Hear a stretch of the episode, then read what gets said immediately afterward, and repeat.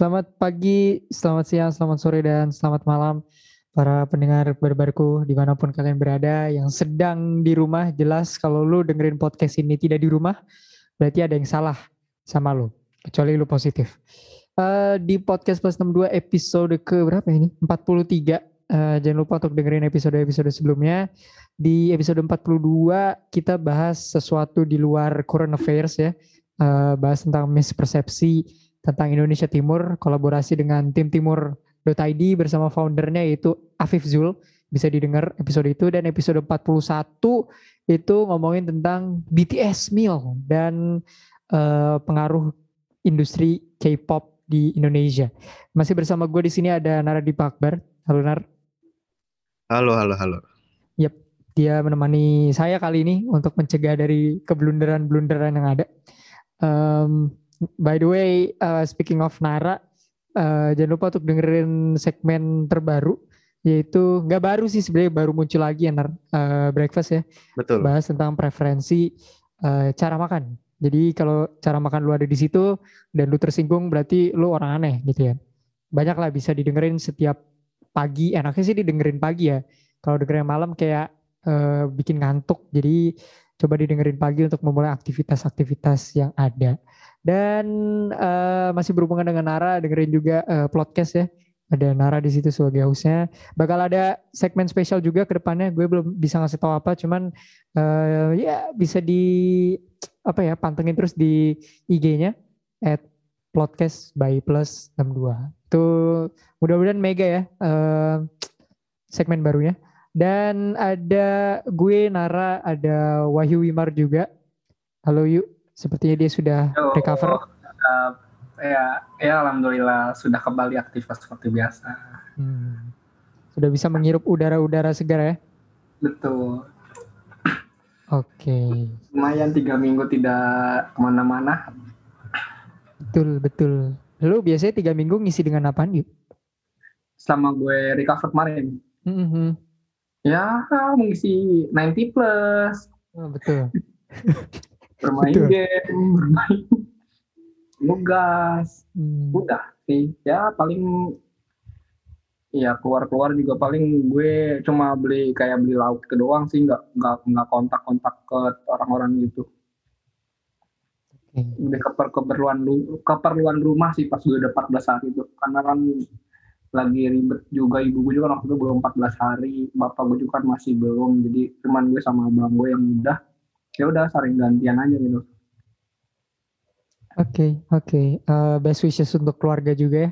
Karena uh, kiri kanan nih udah mulai yes, yes, yeah. repot banget nih ya terlalu banyak inalilahi inalilahi di sosial media gue berharap sih jangan sampai banyak lagi lah karena uh, sulit untuk membacanya ya by the way uh, udah singgung dikit kayaknya kita bahas sedikit sesuatu yang baru baru-baru ini yaitu covid so sebelumnya gue akan memperkenalkan uh, orang lama yang sudah lama tidak hadir di podcast ini terakhir tuh dia ngebahas apa ya gue lupa banget karena udah lama tapi beliau sejauh ini adalah teman saya yang paling aktif dalam memberitakan tentang COVID, vaksin, dan segala hal di luar sana. Ada Jeremy Noel. Selamat malam, Jer. Halo, selamat malam. selamat datang kembali. Aduh, udah lama banget ya Jeremy nggak join. Uh, gue gue lihat-lihat lu aktif sekali di Twitter, meretweet retweet um, segala tweet yang berhubungan dengan pandemi. Sepertinya lu uh, pengen jadi jubir COVID. um, sebetulnya gue kalau di Twitter kan lebih banyak retweet tentang tentang vaksinasi sih biasanya info hmm. vaksinasi ya. Itu karena ya ya gue udah capek aja sih sama keadaan ini kan dan satu-satunya jalan keluar ya vaksin sih makanya gue ya gue makanya gue bawel banget kan di Twitter gue kayak retweet semua hal yang berhubungan tentang vaksin dari ABCD ada semua ada tuh. Betul. Betul.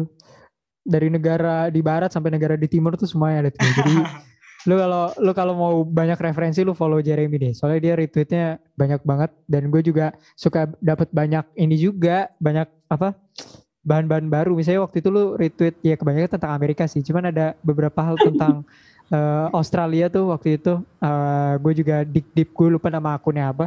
Cuman kadang kan ada negara-negara lain tuh kita nggak tahu ya apa yang terjadi sama mereka. Jadi gue sebagai bahan referensi aja, negara lain tuh gimana sih nanganinnya gitu.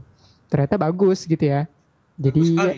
bagus sekali ya pakai sekali lagi kurang ajar juga bagus sekali jadi ya seperti itu tapi sebelum kita ke situ ya. Hmm, ada beberapa berita di luar ya di- lu- gue yakin lu pasti yang dengerin kayak bosen dengan berita covid yang nanti kita kasih tahu. Jadi ada berita yang menyenangkan.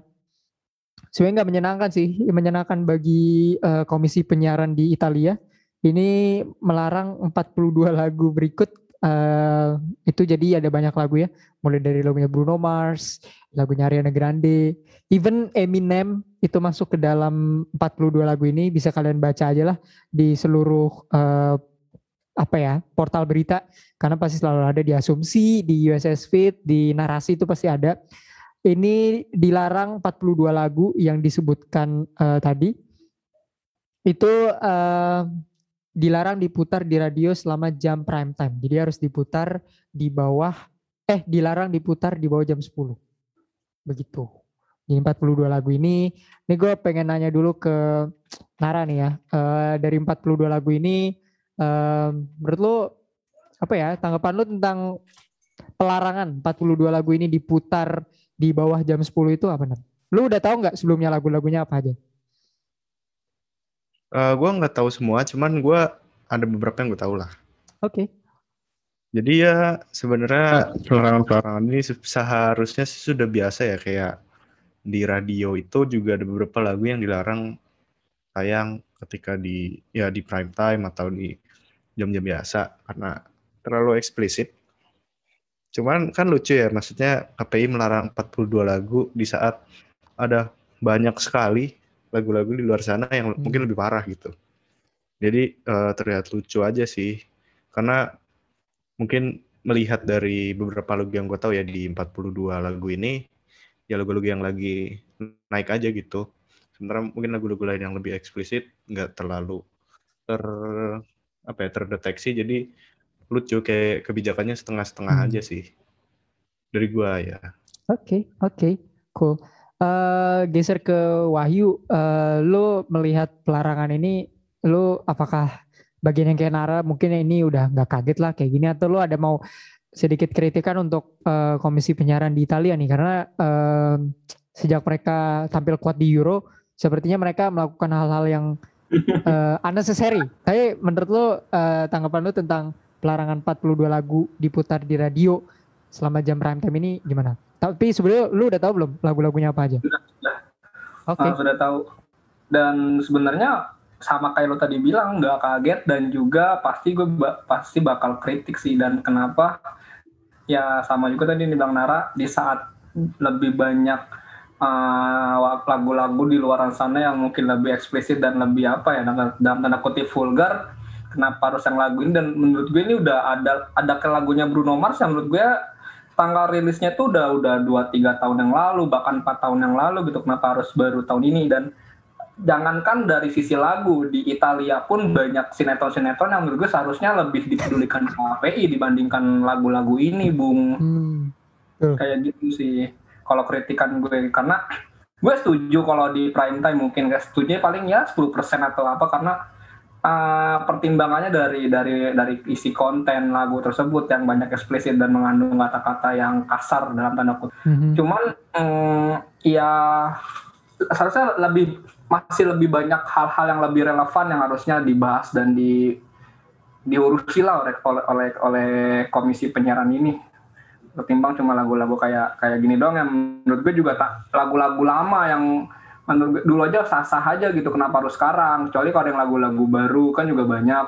Ya walaupun juga gue sebenarnya nggak terlalu banyak tahu tentang lagu 42 lagu ini karena jujur udah semakin nurun banget referensi-referensi lagu gue semenjak semenjak kapan ya? Ya semenjak Referensinya udah lagu. TikTok ya? Iya asli beneran.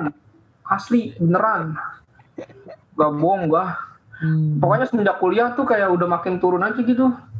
Kayak males kayak ah ngikutin lagu. Paling yang ya happening. Justru gue tahu dari TikTok kayak lagu oh ini lagu ini enak ya. Pas gue cek 10 tahun yang lalu lagunya anjing.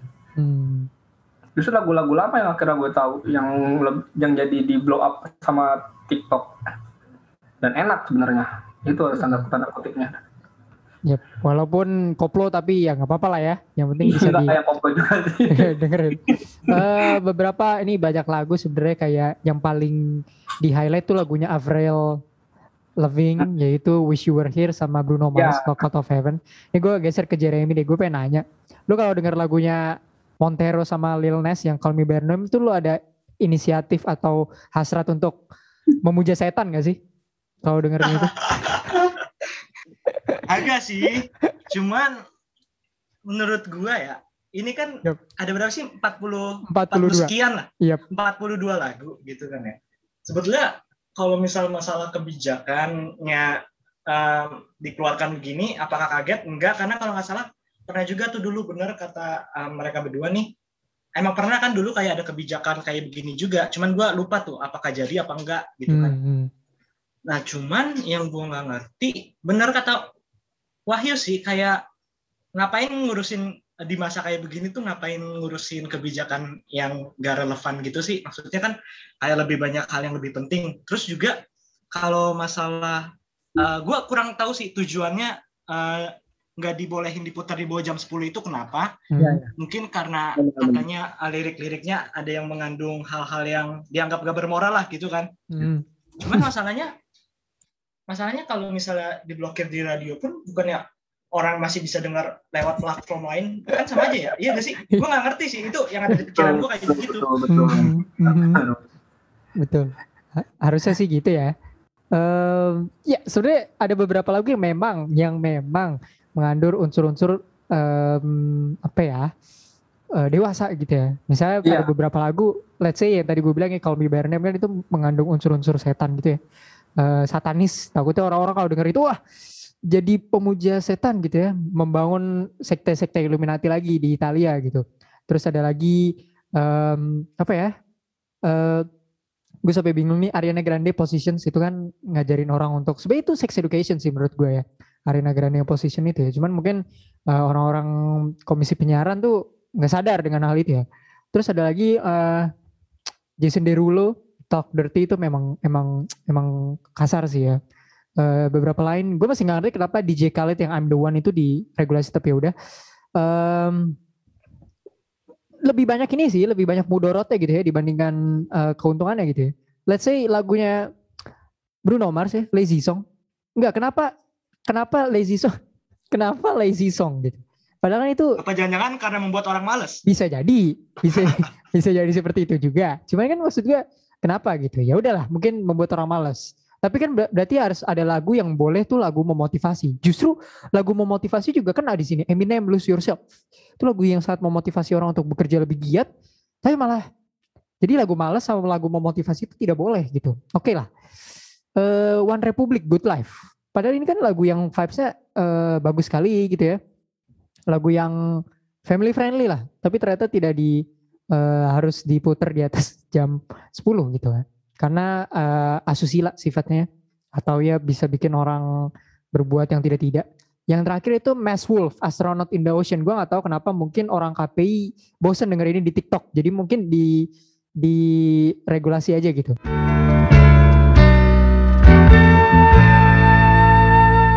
Oke, jadi kita masuk ke news kedua ya. Jadi baru-baru ini Instagram akhirnya bisa keluar Reels di Indonesia serta Instagram Music. Yang sebelumnya sebenarnya kan udah lama ya kalau Instagram Music setahu gue. Hmm, hmm. Tapi di Indonesia tuh nggak bisa-bisa di setel. Akhirnya baru-baru ini. Nah, sebenarnya eh, Instagram Reels ini salah satu bentuk apa ya ketidakmau kalahan Instagram dengan TikTok ya. Dilihat dari fitur yang sangat-sangat mirip. Yap. So ya mungkin tanggapan lu gimana, Nor? Oh, gua eh, lucu sih sebenarnya tadi yang kayak lu bilang eh, Instagram itu berusaha untuk melakukan apa yang TikTok lakukan. Ini Instagram tuh kayak cemburu sama platform lain yang punya fitur yang lebih megah dibandingkan dia gitu. Let's say Instagram tuh sudah melakukan beberapa hal dalam tanda kutip mencomot eh, ini orangnya, mencomot apa namanya fitur orang. Pertama adalah Snapchat, obviously. Eh, kedua ya ini TikTok gitu. Terus mereka masukin shop ya uh, dan lain-lain. Jadi kayak Instagram nih pengen expanding tapi kesannya maksa gitu. Tapi kalau Instagram Music kan sebenarnya udah lama ya. Gue dulu juga pernah pakai, tapi pakai VPN sih. Uh, pas waktu kapan ya? Gue tuh waktu itu kan bosen terus ya udah nyalain VPN. Eh ternyata Instagram Music bisa di Instagram gue dan buat gue sih bukan hal yang baru ya. Cuman emang uh, beberapa dari kita to be fair aja agak norak jadi pengen nyoba uh, fiturnya. Gue juga melakukan hal itu jadi ya why not gitu ya. Untuk reels seru sih jadi ya sebenarnya gue agak gimana gitu ya sama Instagram dengan uh, fitur yang baru-baru ini. Uh, jadi ya ya udahlah. Uh, Instagram ini memang suka melakukan update-update yang sebenarnya unnecessary ya. Dan lain-lain ini sebelum gue lanjut ada beberapa hal yang pengen gue tanyain ke Nara nih. Tanggapan dari lu gimana? Jer lu udah mencoba Instagram Music? Udah lama nge-scroll di Reels belum? Saking bosan nyoba, nyoba Instagram Musik yang baru-baru ini sih belum ya. Cuman gue juga udah pernah dulu waktu gue SMA itu pakai VPN juga kayak lu Rey hmm. nah, kalau yang Reels itu sangat membantu gue untuk menemani kegabutan gue saat main Instagram ya. Itu kan hmm. sebetulnya itu itu 11 12 sama TikTok kan ya Iya gak sih? Iya, iyalah. Bukan 11 12 malah itu memang Ya, emang udah mengcopy paste gitu. Copy paste betul. Betul. Emang sih dari dulu eh, Instagram itu kalau kita lihat ya kayaknya emang udah rahasia umum benar juga hmm. selalu buat apa ya persamaan dengan platform-platform yang udah lebih sukses terlebih dahulu gitu kan kayak Snapchat terus juga eh, Instagram itu kalau nggak salah sekarang udah dibeli sama yang punya Facebook itu kan betul sehingga kadang kalau lu masuk Instagram juga kayak dia kan bisa terhubung juga ke Facebook gitu ya. Nah ini tinggal nunggu aja apakah nanti adalah ya, Instagram bisa collab bareng WA gitu. Oke oke. Jadi WhatsApp Story-nya tuh jadi berwarna gitu ya? Iya betul. Ada hmm. stiker-stiker lucu gitu kan? Betul gift, betul. Atau di tiba-tiba ya orang-orang di kontak kita jadi follow-followan IG gitu ya. Agak aneh sih itu sebenarnya um, apa namanya uh, fitur-fitur gitu. Tapi nggak tahu kayaknya WhatsApp tuh nggak ada yang perlu dibanggakan sih dari fiturnya. Jadi iya. Instagram juga nggak mau nggak mau ngambil sih. ya lu bayangin aja Jer misalnya um, misalnya kita berempat gitu kan kita kuliah gitu ya. Terus orang-orang karena Instagram ngambil fitur dari WhatsApp yang diambil fitur bikin grup. Nah ya udah grup-grup kampus semuanya pindah ke Instagram gitu kan. Kasih hmm. foto dan segala macam. Itu aneh sih cuman Ya, atau atau uh, mengadopsi dari Twitter misalnya, jadi di Insta bisa saling nge-tweet. Hmm, semakin berbahaya itu untuk buzzer-buzzer di luar sana. Semakin uh, terbuka ini uh, kesempatan freedom of speech ya. Jadi opini-opini bau tuh bisa masuk tuh yeah. nanti Ter terbaik deh, terbaik. Insta war jadinya ya. Instawar, betul. Biasanya kan tweet war, betul betul. Oke, okay. um, ke Wahyu deh ya. Uh, menurut lo Instagram ini kan ke depannya ada wacana mereka nggak mau perbanyak fitur foto lagi nih. Uh, mereka udah pengen fokus ke video tok gitu. Pengen ya mereka merasa kayaknya video ini uh, engagementnya terus retentionnya nih gede banget gitu. Dan sementara hal itu sudah dibuktikan lah sama TikTok gitu dengan algoritma yang nggak jelas ternyata orang-orang lebih suka dengan hal itu gitu daripada Instagram algoritmanya tuh uh, paten gitu ya. Uh, tapi membosankan lama-lama. Lu tanggapan lu tentang music, reels dan kira-kira uh, perubahan-perubahan yang akan dilakukan Instagram lainnya itu gimana?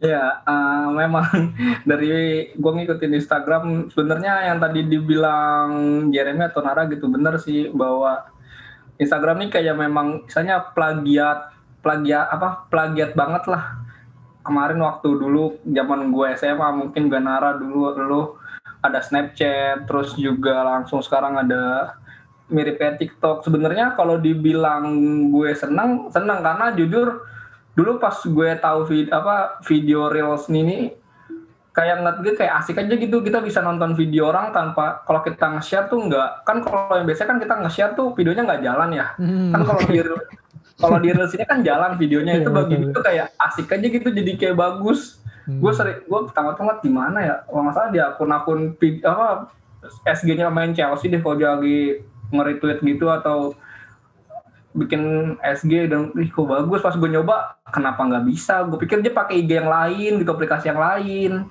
Ternyata memang belum support dan sekarang udah support di Indo ya sebenarnya nggak bantu sih. Cuman emang gue belum nyoba kalau yang reels. Belum belum gue belum untuk nge-retweet punya orang atau apa karena ya udahlah. Kalau untuk video oh sorry untuk kalau untuk yang musik sebenarnya iya bagus sih. Cuman emang bener kayak udah mirip banget kayak TikTok emang. Jadi kita hmm. ngedit dulu tanpa audio nanti tinggal tinggal dimasukin di IG tambah pakai apa efek atau apalah gitu. Dan gue kan juga udah udah bikin dua kali kan kemarin tentang apa yang Jerman atau Inggris tuh gue lupa. Hmm. ya emang mirip banget. Dibilang keren keren tapi kayak nggak orisinil aja gitu loh. Hmm. apa yang dibuat apa yang diciptakan sama Instagram dari dulu. Kayak dia tuh kayak ngeplagiat dari orang ya tanda kutip ya. Cuman ya gue nggak tahu apa maksud dari tujuan marketing mereka tuh gimana karena kenapa bisa kayak gitu dan kayak ada fitur shop juga. Ya gue nggak tahu sih kalau ke depannya bakal kayak gimana cuman karena gue nggak yang ekspor ekspor banget di teknologi terutama juga di Instagram ya nggak nggak terlalu mengikuti atau memang gue yang nggak punya insight ke mereka atau gimana gue nggak ngerti sih karena ya memang apa ya ya memang mereka tuh kayak cenderung lambat aja gitu kayak ngikutin ja, kayak dia ngikutin orang bukan oh. bukan orang yang ngikutin dia gitu. Yep, yep, yep. That's the key ya sebenarnya. Walaupun Instagram tuh ada sisi orisinilnya, tapi mereka tuh uh, berusaha untuk menutupi yeah. hal itu dengan sesuatu yang lebih uh, terkenal gitu ya atau sesuatu yang lebih booming. In this case adalah TikTok ya dengan video 15 detik vertikalnya 30 detik. Well, ke depannya menurut Lunar ini akan dimonopoli nggak sama Instagram karena they have everything gitu. Mereka punya fitur posting foto yang pernah dilakukan sebenarnya Facebook kan ngelakuin ini lu nyetatus lah bahasanya nyetatus foto bla bla bla bla terus sekarang mereka ada story yang dulu ngikutin Snapchat dengan fitur yang jauh lebih kaya lah ya. Udah ada GIF, udah ada ya jauh lebih kaya lah. Filter-filter yang super nggak jelas, bisa live juga. Uh, dan sekarang mereka ada shop, bisa jual. Ibaratnya mereka marketplace, mereka punya juga gitu. Terus sekarang mereka punya video 15 detik ini vertikal. Lalu menurut lo ini akan dimonopoli nggak ke depannya? Uh, jelas sekali sebenarnya uh, Instagram ini tujuannya pengen monopoli gitu kan. Mm -hmm. Tapi kita ngelihat dulu dari apakah masyarakat mau berpindah dari satu platform ke platform lain karena sejauh ini orang masih stay di TikTok ya. Mereka nggak mau pindah ke Reels dan beberapa video video-video di Reels sebenarnya ya pindah dari TikTok aja gitu. Lalu juga jauh sebelumnya kan Instagram punya IGTV ya. Iya betul. Yang istilahnya lo bisa nonton video panjang tapi ya tetap uh, ini mungkin agak pendapat pribadi gue ya tetap nggak enak gitu untuk ditonton gitu gue akan lebih pilih nonton entah di YouTube atau di platform-platform lain yang memang bisa menghadirkan video yang enak untuk ditonton dengan jangka yang panjang gitu jadi ya tujuannya monopoli cuman bisa berhasil bisa enggak karena makin hari gue merasa UI-nya si Instagram ini makin gak enak dipakai bisa jadi karena terlalu mengejar karena mereka malah orang meninggalkan. Instagram hmm. Gitu bisa jadi tapi jelas-jelas tujuan mereka adalah monopoli ya so ya kita lihat ke depannya aja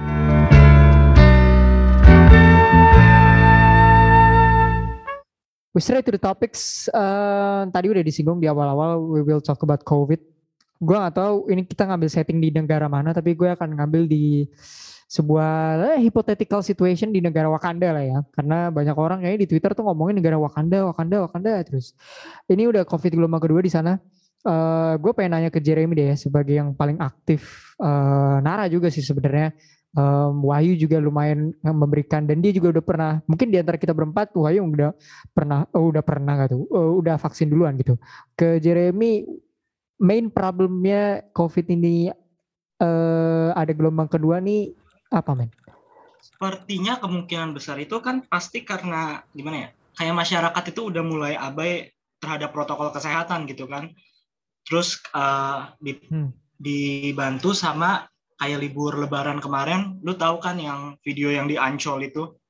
Terus yang di ya di mana-mana ada tempat wisata itu kan kayak rame dan orang-orang ada yang nggak pakai masker. Itu kan terus berkerumun gitu ya itu kayak kayak virus-virus bertebaran di sono kan nah juga diperparah kan karena adanya ada banyak varian baru kan dari COVID-19 itu Betul, dari betul. alpha, beta, gamma, pokoknya sampai banyak dah tuh, sampai sampai sampai berapa? Gue nggak ngitungin tuh.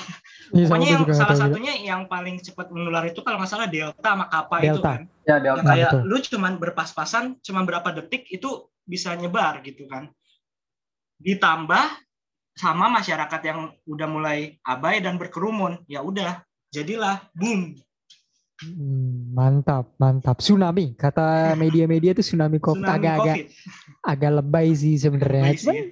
Oke, berarti itu adalah main problemnya ya. Berarti orang yang sudah abai dengan so-called protokol kesehatan ini, Oh, terus Sorry, orang yang mungkin tambah satu lagi deh. silakan. Mungkin mungkin karena vaksinasi yang cukup lambat, banyak orang Oke. yang kayak nunda-nunda divaksin kan. Terus Oh, muncul oke, varian baru, ya jadinya begitu. oke. Kenapa orang nggak mau divaksin, Jar? Is it- Ah, apakah mereka takut, ataukah mereka tidak mau disuntik, ataukah vaksin itu cuman vitamin C? What do you think? What do you think? Vitamin C perih, Pak, masuk masuk badan. serem juga ya. Gue juga baru dengar tuh. Kalau bisa gimana ya? Makanya. Ah, itu. Mungkin kalau yang nunda-nunda karena ada yang takut jarum suntikan kali ya. Karena ada beberapa juga orang yang udah pernah Oh. tanya, katanya sebetulnya gue mau divaksin jar, cuman karena takut sama jarum suntik. Gue juga sebetulnya waktu awal-awal mau divaksin tuh kayak, nih jarum suntiknya kayaknya gede amat gitu ya. Cuman ternyata pas disuntik tuh kan kayak nggak nggak sakit sama sekali dan nggak nyampe semenit kan. Kayaknya sih rata-rata kebanyakan itu dan juga mungkin waktu awal-awal itu kan kayak ngurus administrasi buat vaksin kayak rada ribet ya. Lu Right. harus ngurus banyak surat lah administrasi kayak apa sih surat domisili kalau nggak ada. Nah cuma kan sekarang udah nggak ada. Ya bagus sih. Sama mungkin ya ada aja sih kayaknya masyarakat yang percaya bahwa mungkin di vaksin itu ada ada ada chip 666 Hmm. katanya. Hmm, atau isinya vibranium gitu ya. Katanya bisa bahkan ada yang lebih gila katanya itu ya bisa menghasilkan gelombang magnetik katanya. Hmm, begitu. Baik, baik, baik. Eh, Gila, gila. Terbaik, terbaik. Oke, oke. Jadi ada beberapa narasi-narasi false naratif ya, Jar, Iya, tentang nih. eh, vaksin itu. Tapi lo mengencourage orang vaksin itu karena apa?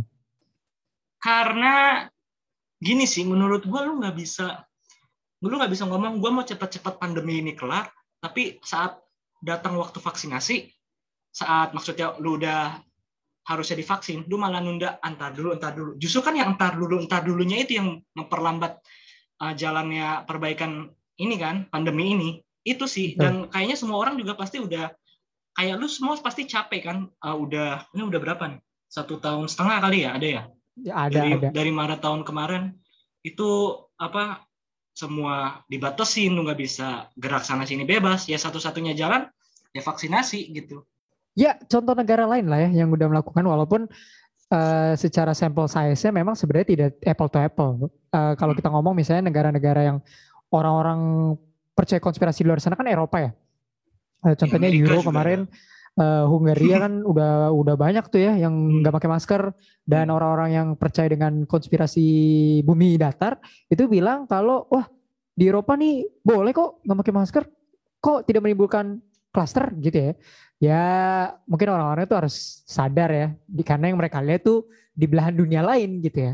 Bukan di negara mereka. Dan kewajiban vaksin itu saat perlu. Walaupun sejauh ini masih berapa persen ya? Em, di bawah 10 persen if I'm not mistaken Indonesia? Di di Indonesia eh, yang mungkin kalau yang vaksin setidaknya menerima vaksin pertama gue kurang tahu sih berapa. Tapi mungkin kalau yang vaksin kedua baru berapa persen ya gue nggak ngikutin Baru sih tapi 7% pokoknya total.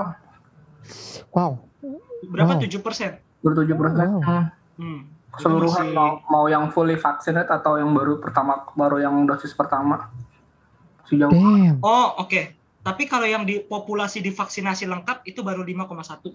Nah, juta 5,1 persen. iya. Oke. Oke. Well, kalau 5,1 persen di skalanya orang Indonesia kan sebenarnya banyak ya. Sebenarnya tuh udah udah sampai beberapa juta orang. Iya. Tapi kan kita 270 juta dan 5 persen tuh bukan angka yang eh, bisa diharapkan lah dengan kecepatan vaksin yang kita harapkan udah dari tahun lalu. Dan ternyata orang-orang tuh memang apa ya? Orang-orang kita tuh gimana ya? Ketika vaksin itu belum ada, lu mau minta vaksin itu di- dipercepat gitu ya. Yap. Ketika vaksin itu ada, lu tidak mau divaksin, gitu. Eh, lu justru takut. Tapi ketika vaksin itu lama, lu pengen mempercepat vaksin. Jadi kan kita bingung ya. Mungkin Hmm. pemerintah juga eh, berpikir dua kali gitu. Sebenarnya mau kita tuh apa? Walaupun kadang, well nanti kita akan ngomongin tentang eh, pelaku atau pemberi kebijakan ini ya. Cuman memang rakyat-rakyat di sini tuh emang em, agak misleading dalam menanggapi hal-hal ini. Eh, masih ngomongin tentang vaksin, eh, kalau dari lu yuk sebagai eh, penyintas akhir-akhir ini, ya, eh, menurut lo vaksin ini kan banyak yang bilang, ah vaksin ini gue udah divaksin tapi eh ini orang ini nggak udah divaksin tapi masih kena gitu. Iya. Eh, berarti vaksin nggak ada gunanya dong. Nah, lu menanggapi pendapat itu gimana? Ju- uh, seru sih seru gue semangat banget cuman yang memang gue males kepada siapanya dulu kita berdebat nih kalau kayak gini gue sebenarnya gini kan kerja vaksin itu bukan sekali lagi ya gue tekanin bukan untuk kita jadi kebal. Vaksin itu adalah uh, sebagai cara untuk melindungi diri kita agar lebih siap ketika kita sudah terpapar gitu. Jadi kasarnya ya kayak lu uh, dulu suntik tetanus, lu kan nggak mungkin kena karat, lu kebal nggak kena nggak berdarah kan. Tapi kan itu me- mengurangi lu untuk terjadinya infeksi kayak gitu. Nah sama juga dengan halnya vaksin. Ketika lu sudah vaksin bukan berarti lu kena covid. Ah sorry, keluarnya sudah kena lu, lu sudah vaksin tapi lu nggak bisa kena covid. Lu kebal, tetap bisa kena. Cuman uh, gejala yang lu rasakan, yang lu bakal hadapi itu nggak separah orang yang belum sama sekali vaksin. Jujur, gue ngalamin itu. Gue ngalamin di mana gue bisa ngebandingin ibu gue yang udah fu- fully vaksin dua kali, gue yang baru sekali tapi gue pakai yang mungkin bisa di kalau tanda kutip ya lebih baik gitu dari vaksin yang pakai ibu gue. Ya Oke. correct me if I'm wrong gitu. Tapi dari skalanya ini kan bisa dilihat berapa persennya. Karena gitu, karena yang gue rasain, gue nggak begitu parah-parah banget gitu loh. Gue nggak begitu parah-parah banget. Dan gue ngeliat ibu gue yang udah dua kali vaksin, gue bisa dibilang kenapa bisa ini. Justru di situ gue uh, apa ya? Mungkin ini teori gue aja sih. Memang mungkin setiap vaksin berbeda-beda caranya dan juga apa yang bakal dia uh, bisa lakukan gitu. Gue gue percaya sih tentang, tentang itu walaupun ya gue nggak tahu medisnya gimana karena mungkin juga lo pada tahu juga bagaimana uh, berapa berapa persentasi uh, efektivitas vaksin dari Sinovac atau Sinovac, Moderna, Astra, Sputnik, Pfizer dan lain-lain gitu. Dan yang paling besar kan yang dipakai oleh negara-negara yang di barat, di timur itu kan. Kalau yang kayak Indonesia kan ya you know Ya. makanya mereka juga bisa bisa survive sekarang, mereka akhirnya bisa keluar karena juga jumlah dari mereka yang nggak banyak kayak kayak kita, China, India atau Rusia, dan juga mungkin kualitas vaksin yang dila, yang digunakan juga dalam tanda kutip bagus gitu.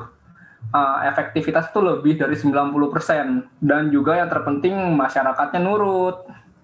Gitu, Hmm. Seperti di Wakanda. Hmm. Itu sih sebenarnya Oh, masyarakat Indonesia kan nurut-nurut ya. Nurut-nurut. Kalau di Wakanda tuh emang eh, bebal bebal gitu. dan Bebal.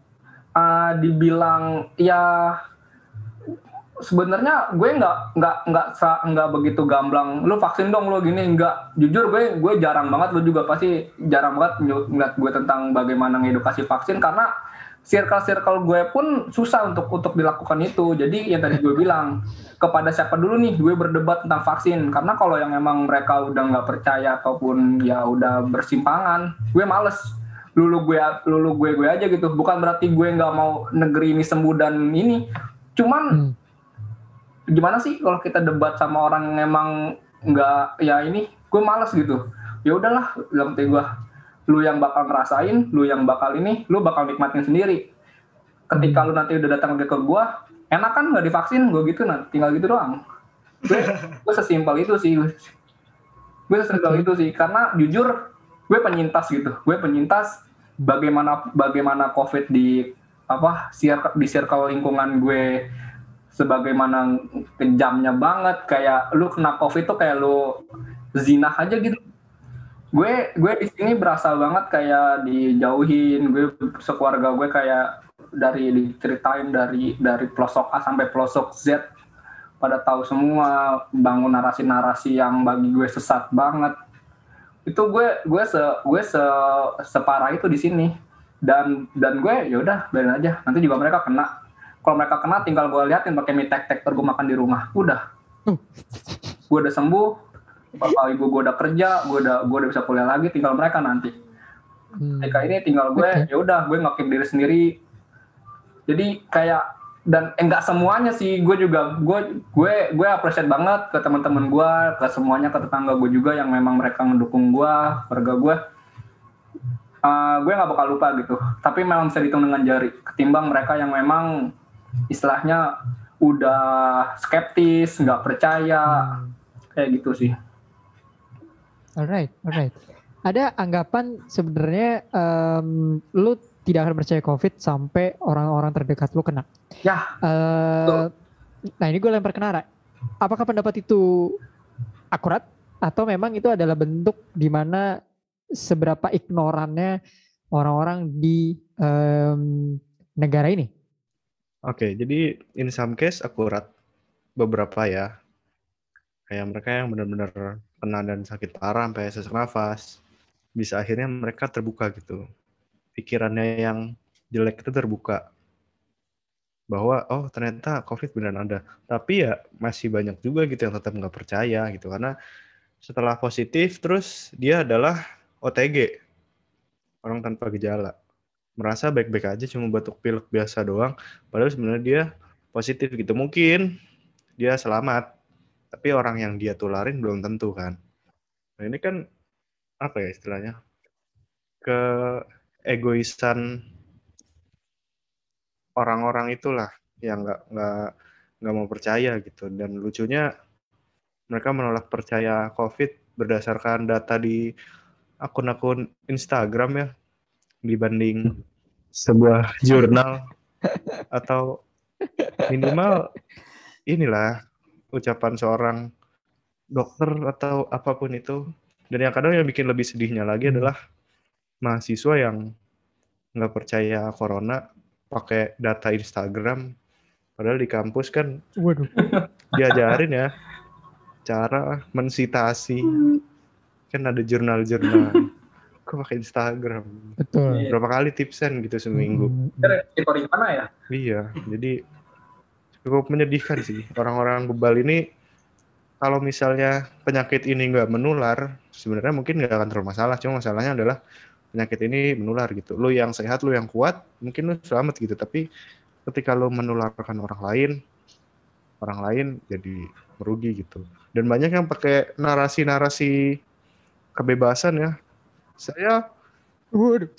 saya juga punya kebebasan tidak memakai masker gitu. Padahal mereka sebenarnya nggak nggak ngerti arti kebebasan gitu kan kebebasan itu aja atau oh, pengen iya. ejinar harus paling beda hmm.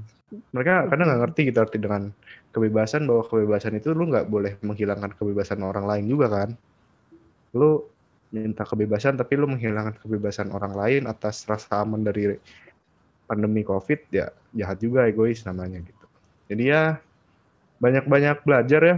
Jangan bodoh-bodoh banget. Kasihan gitu Alright. Good statement. Yeah, that, good statement. Iya, yeah, that, that's the key gitu karena uh, tadi kan kita udah singgung Instagram. Memang Instagram ini adalah sumber uh, dari segala sumber gitu. Sumber berita yang gak jelas ada di situ. Bahkan hmm. akun-akun gak jelas kayak akun telur, Waduh. ya ada gitu. Ada gitu. Walaupun ya lucu, gue gue gue gue menanggapi akun itu tuh lucu aja gitu. He, he came out of nowhere gitu. Tapi man Instagram being being that toxic gitu menjadi uh, sumber dari hoax gitu. Ya penting untuk melihat jurnal, penting untuk melihat eh, berita-berita uh, di website, betul. Uh, berita-berita di portal berita yang sangat uh, akurat, seperti misalnya narasi, ya. atau mungkin CNN, atau jurnal atau sekalian BBC. bisa. Betul, betul banyak kok bahasa Indonesia, men nggak nggak mungkin lah orang-orang Indonesia tuh nggak bikin jurnal tentang itu tuh nggak mungkin akademisi akademisi ilmuwan ilmuwan atau orang-orang ahli itu nggak bikin jurnal tuh nggak mungkin Banyak. udah udah satu tahun Kalau lu masih ngomong jurnal bahasa Inggris terus lu balasnya nggak bisa bahasa Inggris, nah mending lu cari aja jurnal uh, Indonesia kan banyak gitu ya. Jadi come on man. Uh, apa ya? Bahkan di TikTok juga banyak yang bikin narasi-narasi yang uh, buat apa sih percaya COVID ya? Uh, ternyata cuman buat uh, jual beli doang gitu ya atau uh, ada bisnis di situ kan like man ini nggak akan selesai-selesai termasuk kebijakan ini ya yang hari ini tanggal 3 itu dilakukan yaitu PPKM darurat uh, oleh Bapak Presiden Jokowi. Banyak juga yang bilang, e, aduh jangan dong nanti menghalangi ekonomi, bla bla bla bla bla bla. Well, it's it's actually make sense gitu. Tapi kalau menurut lu gimana Nan? Uh, berhubung lu tadi menyenggol soal TikTok, mm -hmm. jadi kan biasa nih orang-orang hebat yang opininya tuh baunya nyengat banget nih. Dia bilang bahwa wah COVID nih gelombang kedua karena kita mau masuk sekolah. Waduh. Oh. Itu okay. itu apa banget gitu ya. Maksud gua emang lu sepenting apa gitu. Padahal lu sekolah nggak sekolah juga apakah lu jadi pinter? Enggak. Padahal selama hmm. online juga lu nggak dengerin. Pas offline lu cabut kelas. Jadi ya itulah dia dia pikir bahwa wah karena mau masuk sekolah nih kita dibikin gelombang dua biar murid-murid ini tetap bodoh padahal nggak juga mereka nggak ya, sepenting memang anda yang bodoh iya. gitu. mereka nggak sepenting itulah hmm. kalian pikir kalian siapa Bill Gates enggak kan hanya mau jelas bukan murid gitu jadi ya berhenti berspekulasi aneh ya daripada dikenang selamanya. Jejak digital tuh kejam. Bayangin ya udah tua udah punya anak gitu. Oh bapak dulu nih yang bikin teori-teori covid di TikTok. Diketawain pak sama anak-anak. Mm -mm. kasihan. Mm. oh papa dulu opininya bau banget iya. gitu. Papa dulu follow akun telur ya? Waduh. Waduh. Jadi okay. mungkin lanjut aja ke topik selanjutnya daripada makin panas Iya betul. Tapi ini lebih panas. Jadi Oh betul di tengah-tengah pandemi ini ya, post apokaliptik. Aduh, lebay banget. Harusnya kan kita ini ya, kita menjaga jarak, patuhi protokol, at least nggak be bepergian tanpa kepentingan yang penting banget gitu. Kecuali lu bepergian untuk bekerja, mengayomi masyarakat. Tetapi ada seleb seleb seleb seleb ini ya, sosial media yang nggak tahu terkenal karena apa, mereka bepergian gitu ke Bali, ke Lombok. Ngomongnya Raja Ampat. Iya, ngomongnya ini untuk menaikkan perekonomian Indonesia okay. gitu. Tapi ya ya enggak juga sih sebenarnya ketika mereka pada akhirnya nular-nularin masyarakat lokal di sana gitu. Dan bikin-bikin acara juga. Dan juga pas sudah positif pakai fasilitas gratis dari pemerintah. Padahal harusnya pakai yang bayar tuh yang di hotel-hotel. Hmm. Itu membantu perekonomian. Hmm. Jadi eh, gimana tanggapan soal seleb-seleb sosmed yang berlibur di tengah pandemi ya? Work from Bali. Waduh. Ih berat sih. Sebenarnya gimana ya mereka bilang ini kan pekerjaan mereka gitu ya. Waduh. So called pekerjaan gitu ya. Padahal kerjanya cuma, "Hi guys." Hard working uh, banget ya. Ini hard working banget, kan grinding parah gitu ya kayak uh, no sleep gitu yeah. ya. Tapi ya ternyata ya gue nggak tahu ya. Maksudnya apakah itu tidak bisa di tackle di Jakarta aja gitu ya? Atau mungkin lu nggak bisa buat konten kalau nggak jalan-jalan? Gue nggak tahu. Mungkin beberapa selebgram uh, penat mungkin ya. Mereka butuh uh, liburan di saat orang-orang lain mungkin tidak boleh. Tapi alasannya gini, uh, Nar. Mungkin buat uh, kalian juga yang dengerin. Biasanya kan kita tahu alasannya klasik ya. Sudah antigen, sudah swab test gitu ya, uh, kita aman kok gitu. Uh, emoji yang oke okay gitu ya, menandakan kalau mereka sudah aman. Gue nggak mau nyenggol siapa-siapa ini secara general karena gue melihat banyak selebgram-selebgram atau so-called influencer ini justru mengadakan sebuah konten-konten spesial di masa di masa covid ini. Termasuk mereka-mereka yang bikin konten podcast gitu ya atau talk show bukan podcast sih. Gua gua nggak mau mendiskreditkan kata podcast ya. Konten talk show. Karena kan semua orang sekarang mentok ya kalau mau bikin konten, hmm konten apa ya kalau tidak copy yang dilakukan oleh uh, youtuber artis, mereka bikin konten berbicara kayak kayak podcast ini berarti kan mendatangkan orang dong. Gua gak tahu itu apakah udah di ini apa belum. Cuman kalau yang balik ke Nara bilang itu uh, soal selebgram kan ada yang kena juga ya. Dan dia bisa-bisanya nanya gitu. Uh, habis ini mau ke mana lagi ya? Wow. Nah, kenapa nggak dijawab aja ke ke ini ke apa namanya ke wisma atlet gitu ya tapi ya harus sadar sih maksudnya gue tahu mungkin pekerjaan lu tuh memang adalah untuk mempercantik Instagram supaya insight atau mungkin uh, engagementnya tuh tinggi gitu tapi kan di masa seperti ini gitu loh gue tahu pekerjaan lu tuh tidak bisa keluar dari Bali gitu ya atau mungkin tidak bisa uh, kalau nggak story yang glamor atau yang hai teman-teman gitu tapi be wise gitu lah. Karena gue ngeliat banyak influencer yang wise juga. Gue kira mereka wise tapi ternyata mereka malah tidak bisa lari dari situ gitu. Ya lu kasihan lah tahu diri sama orang-orang yang harus struggling sama covid ini gitu. Kayak uh, pedagang, ojol, mereka-mereka yang sacrifice di masa-masa kayak gini dan lu bilang masa ini sulit tapi lu malah hahaha di Garuda Indonesia kan nggak nggak nggak nggak valid gitu. Nah ini gue pengen lempar ke Jeremy. Menurut lu dengan adanya selebgram lancong gitu ya, dengan alasan kita sudah swab test antigen kok gitu, atau mungkin kemarin uh, ini ada masyarakat Wakanda yang mudik ke Afrika Tengah gitu ya. Menurut lu ini adalah tanda ketidak tegasan sebuah pembuat kebijakan AKA government nggak dalam menangani pandemi ini? Oke, kalau gue sih kayaknya kayak kayak ada di tengah-tengah untuk isu yang ini ya. Gue kayak ada di tengah gitu. Maksudnya gue mungkin ngerti uh, mereka mendorong supaya um, misalnya kayak di Bali gitu kan ya di Bali itu kan emang kayaknya kebanyakan warganya kan gantungin gantungin kehidupannya tuh dari industri pariwisata gitu kan cuma uh, makanya kan kayak banyak yang influencer bahkan ada juga yang kayak wacana work from Bali gitu kan. Nah cuman hmm.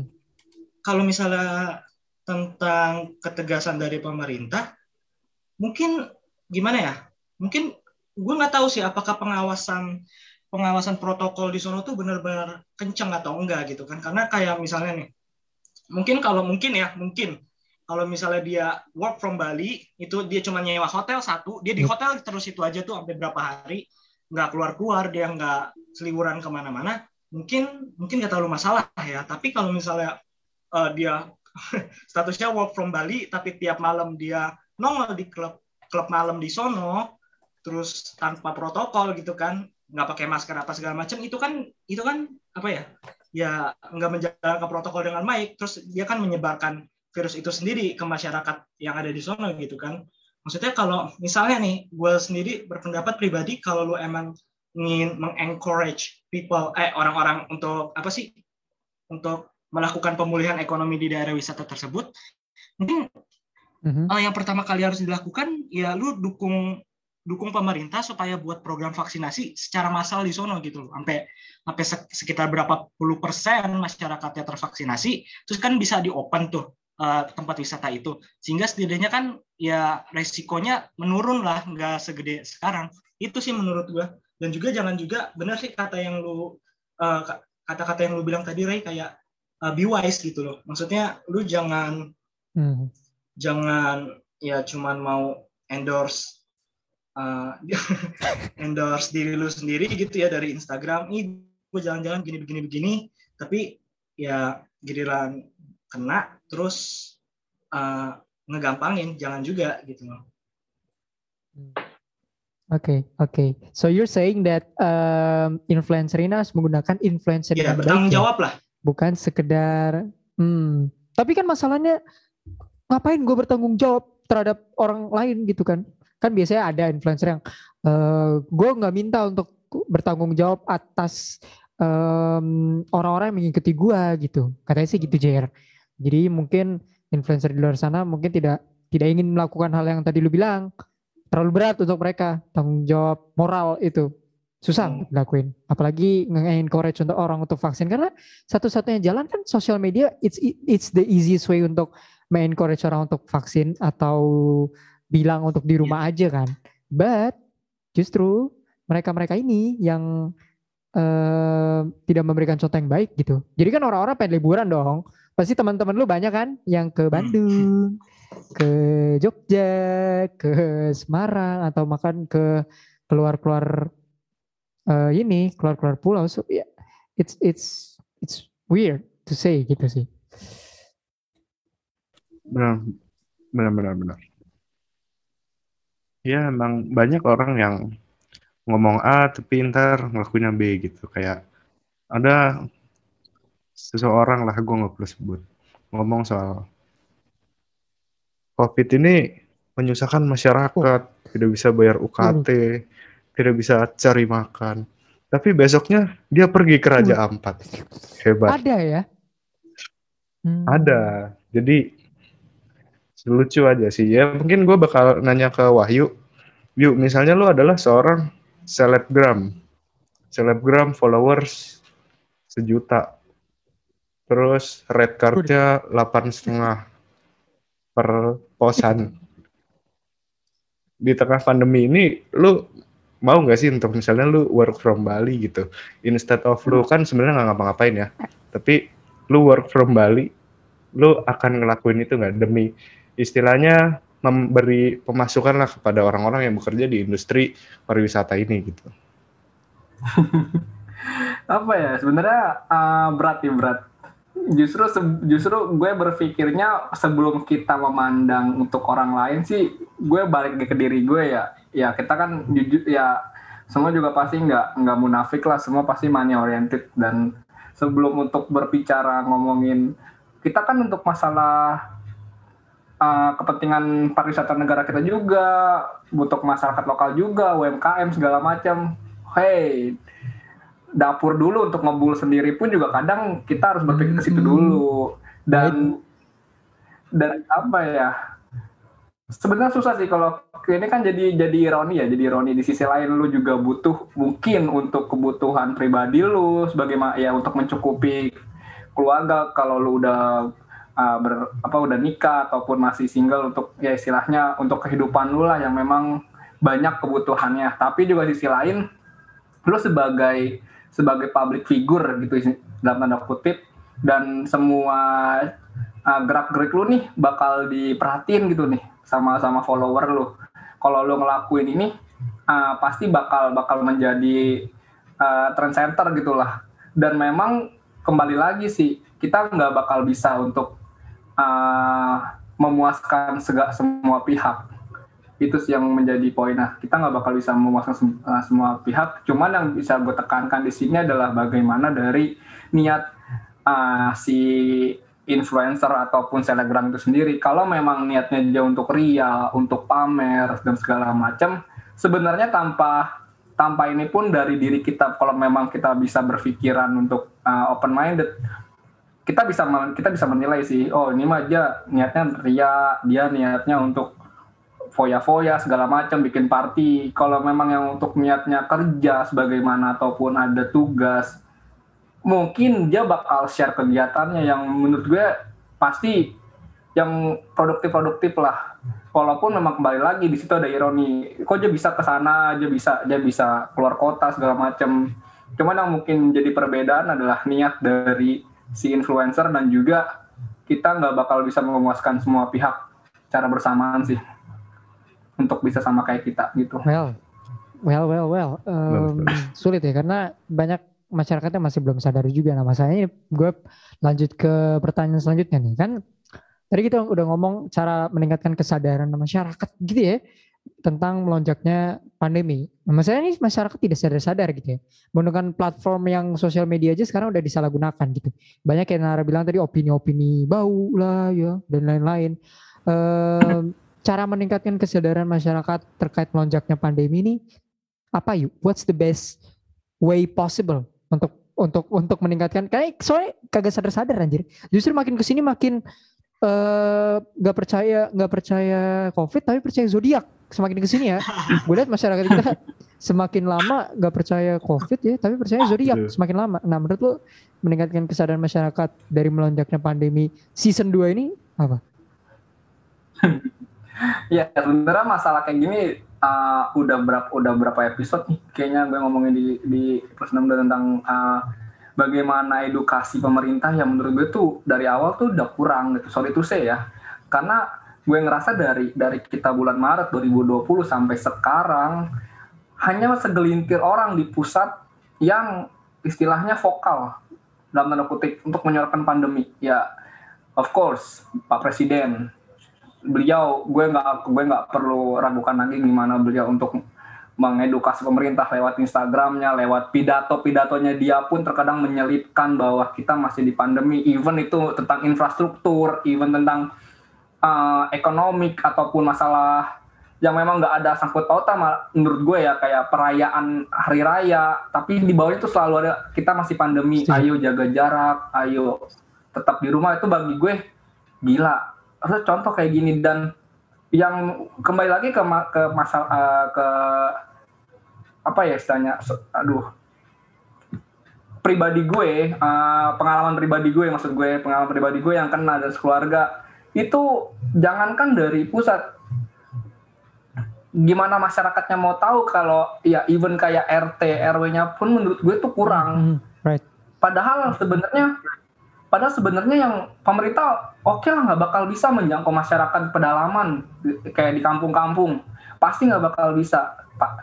Tapi itulah gunanya kayak ya ada rukun tetangga, rukun warga, ada Pak Lurah. Yang sebenarnya menurut gue tuh itu adalah jangkauan terdekat uh, untuk masyarakat dari pemerintah gitu. Itu jembatan tangan kanannya pemerintah yang menurut gue jarang kena gitu.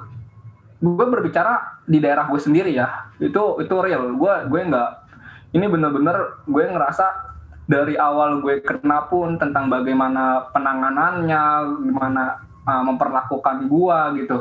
Yang menurut gue tuh nggak sesuai dengan prosedur yang sudah ada di mana-mana yang sudah diterbitkan gitu. Kayak misalnya diperhatikan, ditanya, terus di, diarahkan ke puskesmas segala macam ke, keperluannya sembako segala macam itu kurang banget Rai dan gue tuh ngerasa ya gimana mau ada edukasi uh, orang yang pejabat-pejabat setingkat RT ataupun lurahnya menurut gue itu paling deket itu jarang kena gitu di masyarakat.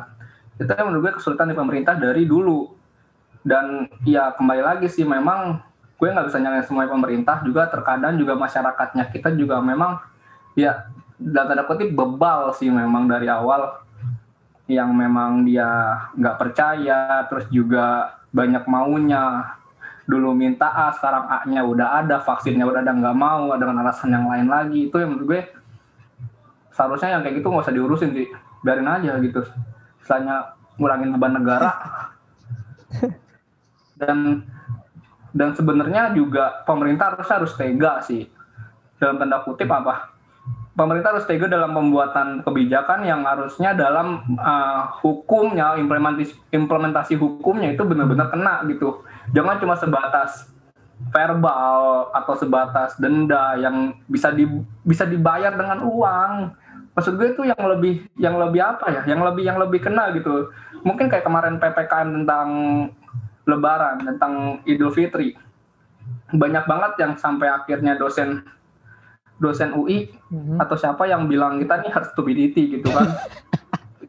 Dari pemerintahnya pemerintahnya bikin aturan setengah-setengah masyarakatnya juga bebal. Ya udah sama aja gitu. Gue gue kurang lebih setuju sih sama sama statement itu karena kita nggak bisa nyalahin masyarakat juga.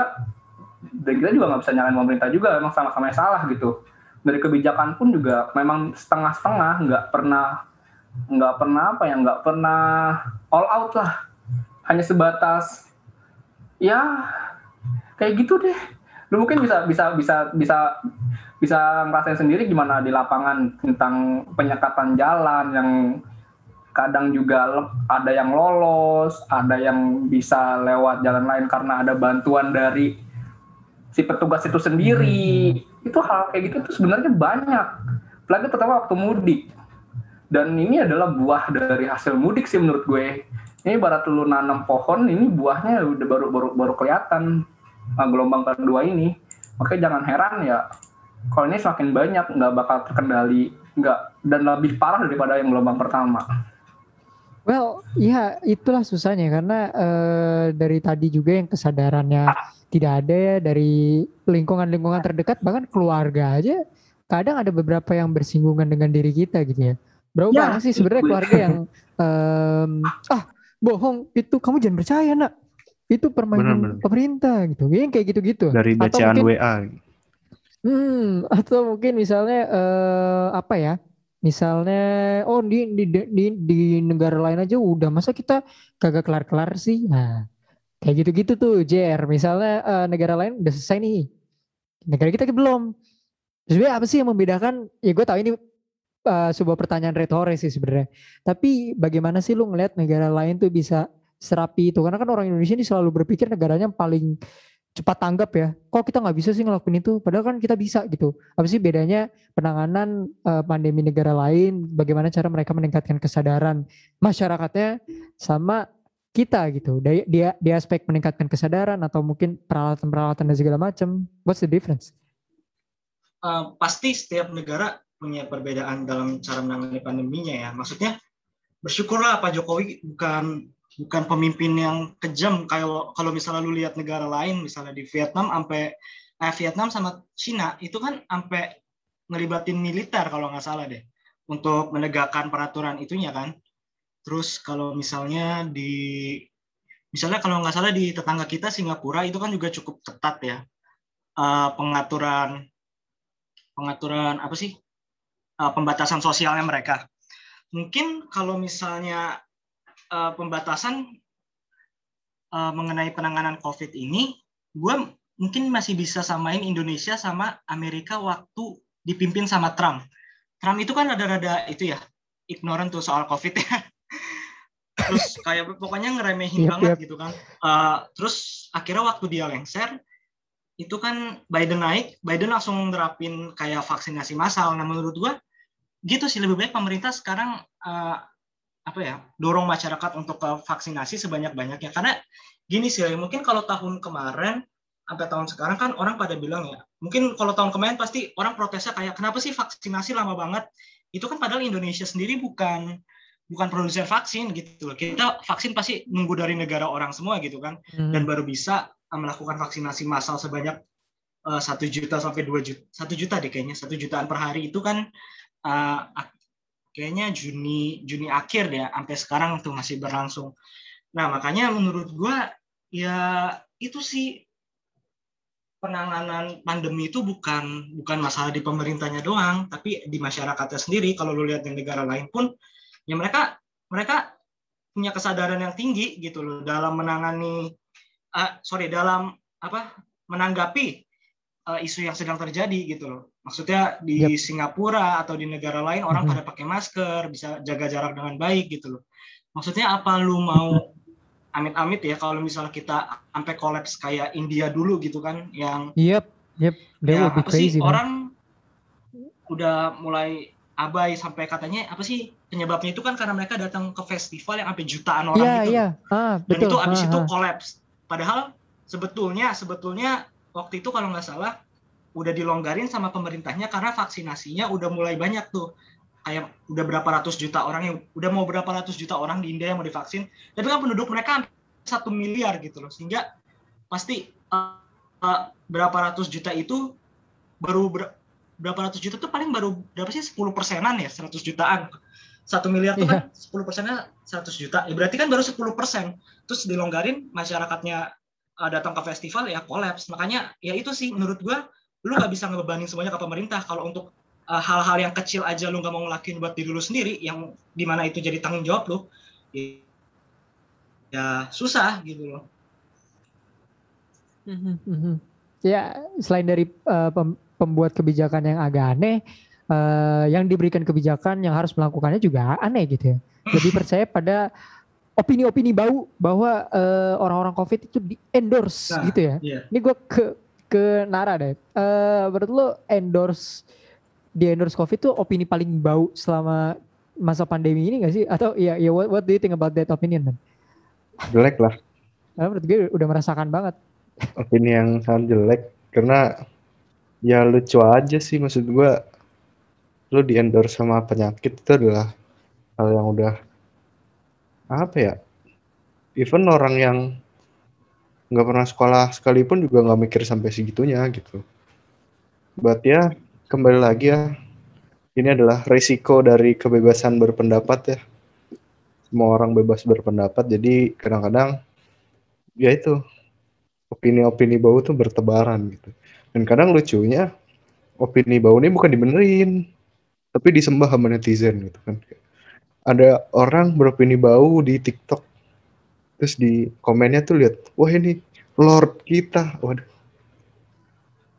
Ini kan apa banget gitu dan ya endorse covid adalah salah satu yang paling lucu ya. Kayak gue menertawakan cukup lama masalah endorse covid karena yang sangat tidak make sense dan padahal dia di istilahnya di orang yang bikin statement ini kan udah di inilah istilahnya ditegur banyak banget orang disindir dibikin komedi-komedi gitu sampai akunnya hilang kalau salah. Nah ini kan pertanda bahwa harusnya dia sadar gitu refleksi lah kayak oh ternyata sampai segini ya berarti opini gue nih salah dong tapi kayak enggak gitu. Jadi ya gue nggak ngerti lagi sih orang begini.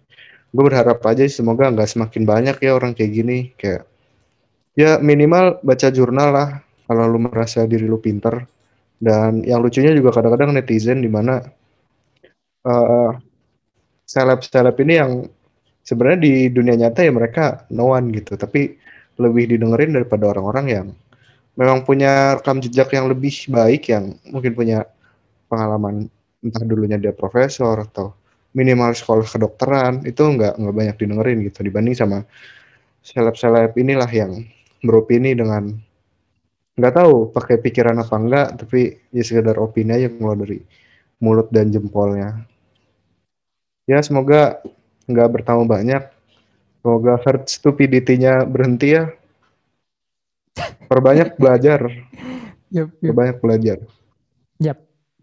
That's the key. Lu nggak bisa percaya dengan opini-opini bau lain ya.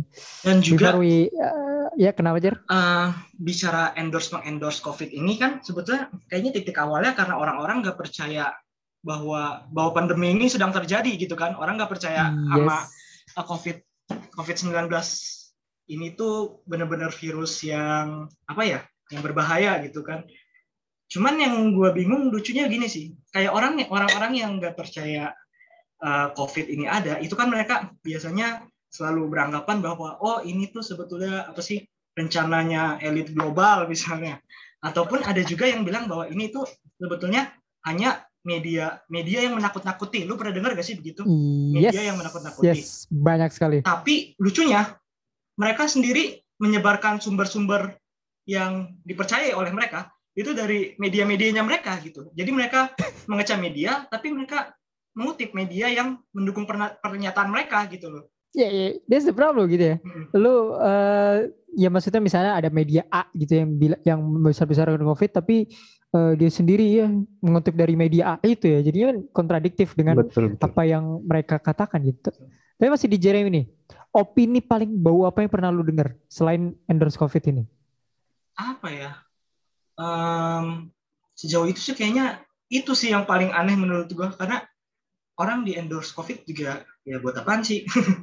Dan bisa mengirimkan beberapa false information iya, gitu ya. Ini gue gue gue gue selama di COVID ini uh, dapat gue merasa gue yakin banget gue dapat banyak false information dibandingkan 2 sampai tiga tahun yang lalu man it's it's it's crazy dan opini bahwa menurut gue adalah membandingkan negara kita dengan negara lain gitu ya negara ini uh, udah ini kok ya udahlah gitu. Atau mungkin di Euro ya karena gue sama Wahyu juga lagi bahas Euro di 90 plus. Itu banyak gue lihat di, di TikTok tuh orang uh, beropini uh, negara-negara Eropa uh, udah bisa nggak pakai masker.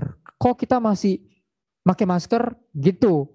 Ini kan beda gitu. Iya maksudnya keadaan keadaannya kan beda gitu. Maksudnya orang-orang cuman cuman ngutip yang oh Eropa dan beberapa negara lain udah nggak pakai masker tapi mereka nggak maksudnya apa ya nggak ngejelasin gitu bahwa um, ada proses panjang menuju ke situ. Yes. Mereka divaksin, mereka divaksin massal gitu kan, protokol yes. yang ketat gitu.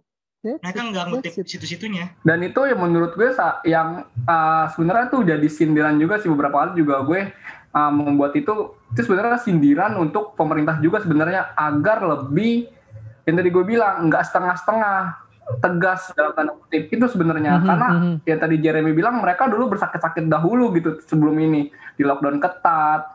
Terus juga ditambah lagi masyarakatnya patuh. Dan pemerintahnya juga tanggung jawab. Ya walaupun ya Eropa semuanya 90% negara maju udah bagi gue bukan jadi masalah gitu menghidupi warganya. Cuman masalah di sini adalah bukan masalah tentang pemerintah.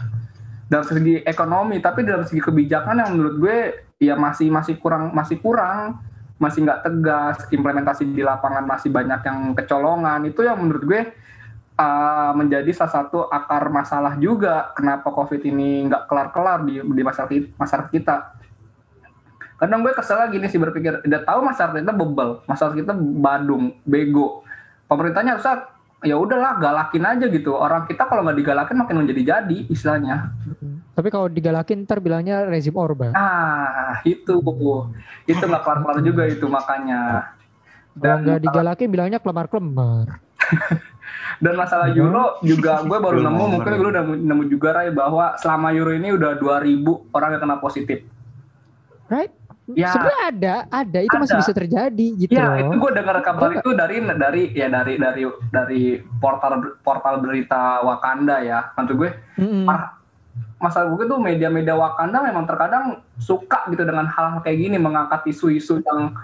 membumingkan COVID lagi, seakan-akan mentakuti. Padahal uh, gue akhirnya research juga ada akun yang bisa jadi kalau kita besok uh, dia bilang bahwa ya memang COVID di sana memang akhirnya besar lagi banyak kayak supporter Skotlandia yang akhirnya terpapar 2000 setelah mereka uh, datang dari Euro. Cuman di Inggris juga yang lagi masa di gelombang ketiga, tapi uh, hal-hal uh, yang di luar itu nggak dibahas. Kayak misal angka angka kematian itu kecil loh. Dan rumah sakit di sana kosong istilahnya dalam kutip ya nggak penuh. Seenggaknya di situ kan mereka uh, di situ kan kelihatan bahwa pemerintah Inggris atau pemerintah-pemerintah Eropa lebih siap dalam menangani hal ini. Dan juga masyarakatnya hanya sebatas positif tidak mengalami gejala yang mungkin parah dan hanya cukup isoman dan mungkin orang tanpa gejala itu kan hal-hal hmm. kayak gitu yang seharusnya diangkat juga gitu loh bukan bukan tentang uh, viral 2000 orang nonton Euro positif Ya. uh, apakah Euro dibatalkan kan tai kayak gitu.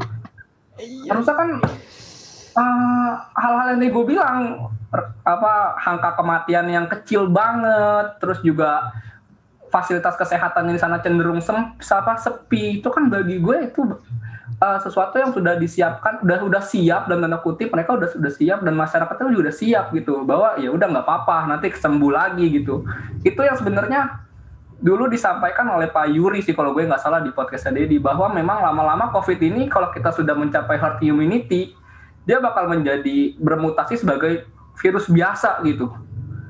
Gue nggak tahu ya itu uh, bagaimana tapi mungkin ada benar juga kalau kita sudah mencapai herd immunity semuanya sudah tervaksin di seluruh dunia virus ini kan bakal nggak punya celah untuk berkembang biak ya bermutasi lagi dan akhirnya menjadi virus sehari-hari untuk kita gitu.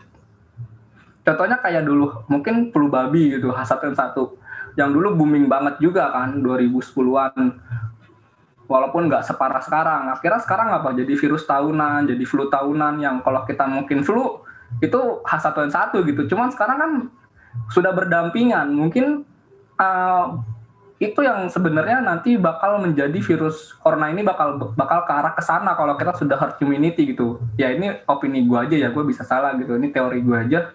Ini ini sotoinya gue aja sih sebenarnya. Cuman ada kalau kita secara nalar mungkin ada benarnya juga gitu jadi bakal nggak jadi bahaya kalau memang kita sudah vaksin semua dan virus ini udah menjadi virus sehari harinya kita gitu nanti tiga atau empat puluh tahun ke depan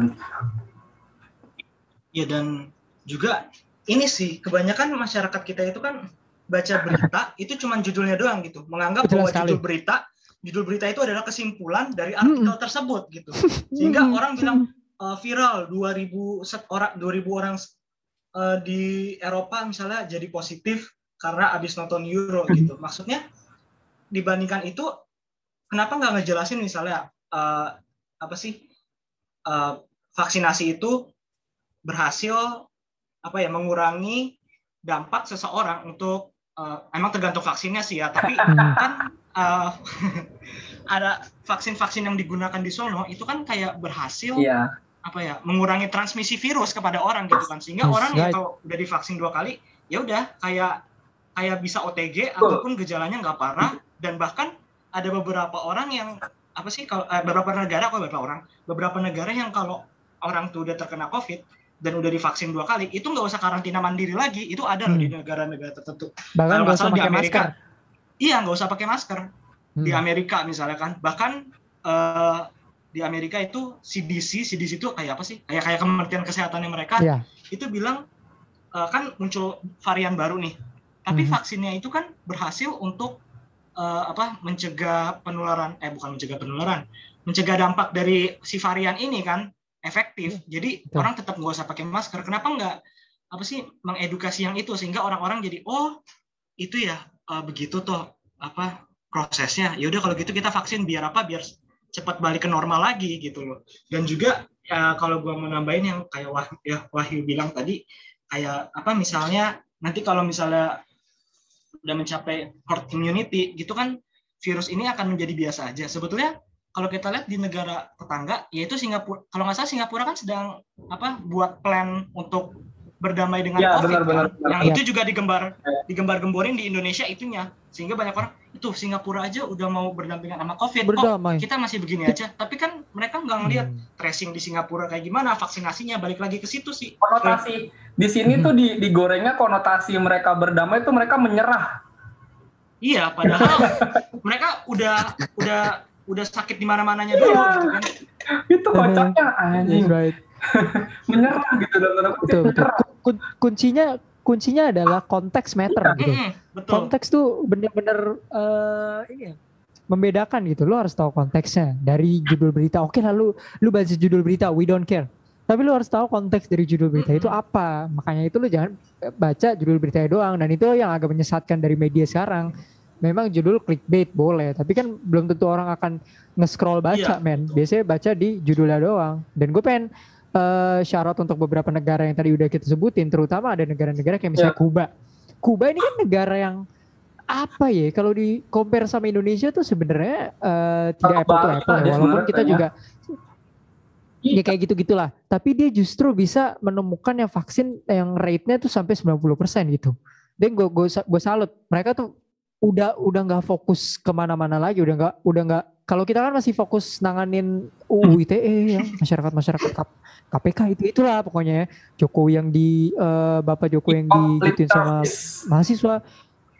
Kalau ini fokus gitu loh, kayak fokus satu eh gitu. Kalau di di kita kan kagak Eh, lagi fokus ah ada aja B gitu ya, dibangkitin narasi.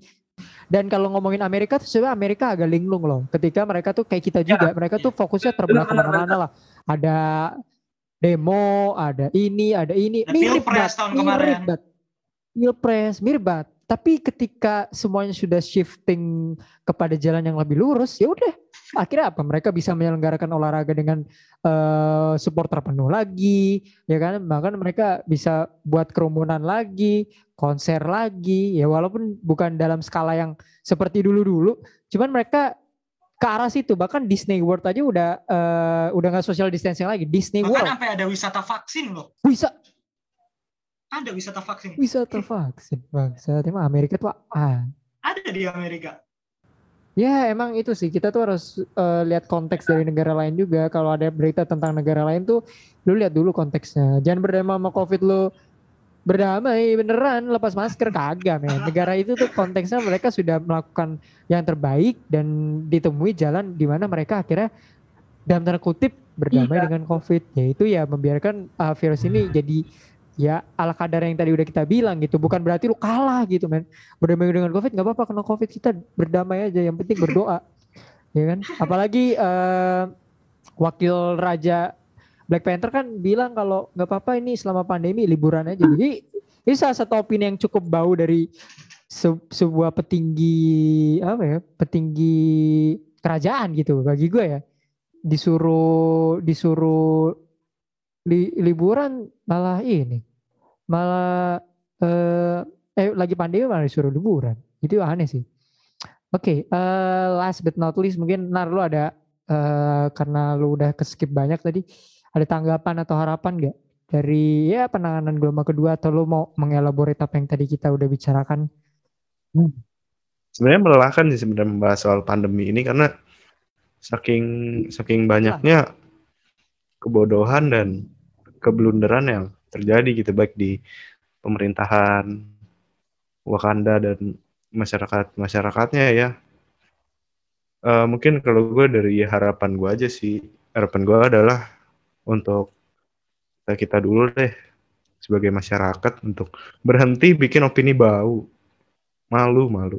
Kasihan orang tua kalian. Kerja pakai baju partai.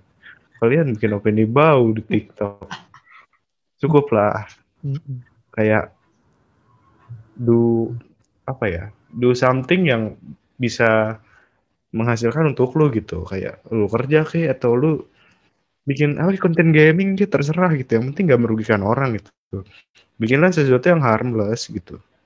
Lu bikin opini baut tuh biar apa sih? Karena kadang-kadang masyarakat kita nih sukanya berdebat mencari perdebatan. Tapi otaknya kopong gitu. Banyak debat. Banyak debat tuh opininya tuh bau gitu. Jadi Hmm. lucu. Pas dikritisi marah-marah. Atau kita iya bang Hmm. gitu. Iya, kita bilangin, "Eh, kamu tuh salah begini-begini. Dia malah ngatain kita. Kamu ini logical fallacy. Waduh. si filsuf. Cukup lah untuk itu dan harapan gue juga dari pemerintahan yang tidak lagi bikin apa ya kebijakan yang maju mundur gitu. Karena kan kemarin diubah-ubah gitu ya dari ppkm, BPU PKI, PP- PPKI Iya, gitu ya. Terus iya, jadi tolonglah jadi bikinlah sesuatu yang yaudah gitu yang memang benar-benar akan jangka panjang dan diterapkan secara baik gitu tanpa harus ubah-ubah gitu. Jadi kan kalau diubah-ubah kelihatannya labil gitu ya, Setuju kelihatan gue, setuju banget, kurang siap gitu. setuju banget.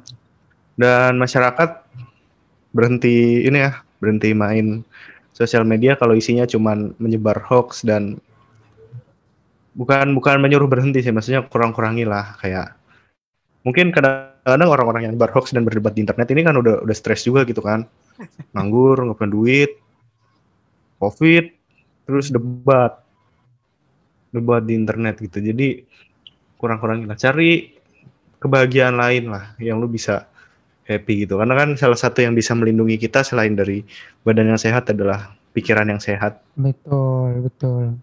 Mensana incorpore sano. Weh, Betul. Mantap. jadi ya harapan gua kurangi kebodohan perbanyak belajar patuhi protokol jangan lupa vaksin enggak enggak enggak dikasih chip kok enggak lu enggak penting gitu Betul. jadi lu patuhi itu dan juga pemerintah harap memberikan peraturan yang tidak pelin-pelan Right. Eh dari lu Jer, any last word? Hmm, hmm, apa ya? Mungkin daripada masyarakat ini daripada masyarakat kebanyakan fafifu was ya, kebanyakan debat dan perang di Twitter, lu lebih baik eh, ngelakuin aksi aksi yang apa ya? Yang berdampak deh untuk segera mengakhiri pandemi ini karena kalau misalnya lu cuman debat di Twitter antara pihak mana nih yang paling kelihatan wow gitu kan? Apakah pihak yang nggak percaya covid atau Waduh. yang yang dianggap SJW covid lah ya? Itu kan nggak gimana ya nggak nggak menyelesaikan pandemi gitu loh. Lu lebih baik semua pada ke tempat vaksin divaksin dan ya udah gitu loh. Kalaupun emang ada orang yang nggak nggak percaya vaksin misalnya ya lu lebih baik lu sama keluarga lu aja dulu lu melindungi orang-orang di sekitar lu kalau mereka emang nggak mau ya ya udah urusan mereka dah itu aja sih itu aja sih harapan gue biar pandemi cepet kelar kayak capek banget gak sih Iya. Hmm. Kayak nggak kelar tuh bukan karena penanganannya lambat gitu. Iya salah satunya. Tapi salah satunya ya karena emang salah satunya lah Mbak. Favivu Ya itu, Waswesos Fa- Favivu Waswesos itu loh. ini jadinya karena Favivu ini jadinya vaksin yang harusnya tanggal 1 Juni jadi 1 Juli gitu ya. Ya vaksin Atau kedua satu Julinya tanggal tahun depan. Oh, 2020 part 2 sih emang bener sih kita di episode lalu-lalu tuh udah paling bener. Nah yuk, lu yuk. Ini last word yuk. Ya, eh, sebenarnya buat reminder juga sih bahwa COVID ini sebenarnya sekarang udah menyerang circle kita tuh circle satu kita sih. Jauh, eh, Iya, betul. cepat banget. Ring satu ya. Udah ring satu banget deh. Mungkin kalau kemarin tuh masih ring lima, ring, ring empat, masih jauh gitu. Mungkin samping lu nih belum kedengeran kena COVID gitu. Sekarang lu di tempat kerja ataupun di tempat magang eh, anywhere gitu, lu lu pasti bakal udah dapet kabar kemarin nih sini covid loh di samping lu dan itu bakal menjadi pemikiran kita juga kan oh iya jadi akhirnya kepikiran juga akhirnya ngedrop segala macam dan juga yang dibilang Nara tadi gue setuju bahwa ah, janganlah ngebuat opini-opini bau yang yang gak ada faedahnya gitu terutama juga untuk ah, media ya contoh gue benar-benar mengkritisi banget bahwa tolonglah ah, jangan terlalu istilahnya membesar-besarkan COVID ini seakan-akan masalah yang serius. Mung- Iya, oke serius dalam tanda kutip, jangan menakut-takuti gitu. Karena percuma lu ah, berobat, lu isoman, kalau di rumah isinya vi- televisi lu tentang COVID, kematian segala macam, secara nggak langsung otak lu bakal menyerap itu gitu loh. Lu bakal menyerap energi-energi negatif yang itu memperlambat lu untuk recover. Itu sebenarnya berpengaruh juga. Dan yang tadi juga ya harapannya bahwa ya cepat selesai lah dan gue udah bener-bener ya respect banget sama seluruh eh, nakes yang udah satu tahun lebih ini mengorbankan seluruh Spek. Apa yang mereka udah punya untuk bahkan nyawa untuk kita gitu. Sebenarnya gue sedih sih awal-awal pandemi juga dulu banyak banget bagaimana uh, perjuangan nakes dibikin kompilasi video itu itu menyentuh banget sampai sekarang. Karena gue masih percaya banyak banyak masih banyak nakes-nakes yang memang bekerja sebagai sumpahnya mereka gitu. Bukan hanya tentang uang ataupun uh, dagang semata lah. Walaupun tidak tidak untuk kemungkinan bahwa itu ada gitu cuman cuma ya ke- kecil banget lah yang yang memanfaatkan situasi itu. Dan harapannya bahwa masyarakat semakin aware untuk untuk menjaga prokesnya. Karena semakin ke sini semakin diketatin bahkan lu sering malah sering banyak banget orang yang nggak pakai masker. Orang yang bawa anak kecil orang tuanya nggak aware tentang anaknya sendiri.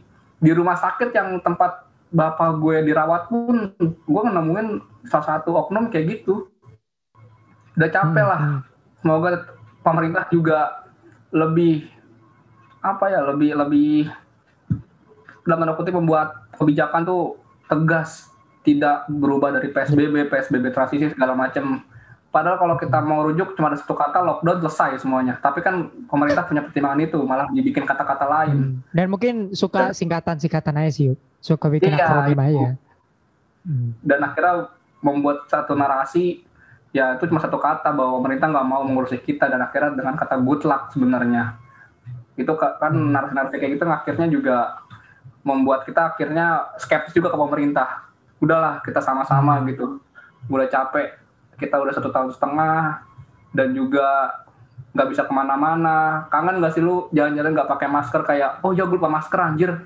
Nggak asik sekarang. Dulu kan mas masker cuma untuk debu untuk debu atau apa. Betul. Sekarang kayak Betul. lu lupa masker kayak lu lupa bawa handphone lu lupa bawa uang harus balik ke rumah gitu harus. Semoga cepat selesai sih pandemi ini dan vaksinasi memang harus menjadi prioritas tinggi. Pemerintah semoga juga ah, instansi-instansi yang terkait stakeholder terkait terus berjuang dalam hal pengupayaan vaksin ini terus berjalan di, di Indonesia sih gue respect banget shout out sama mereka yang sudah berjuang untuk diplomasi ini. Yes, sir. terutama ya kita tahu gimana Kemlu kita dan juga yang hal lainnya. Dan ya semoga cepat selesai.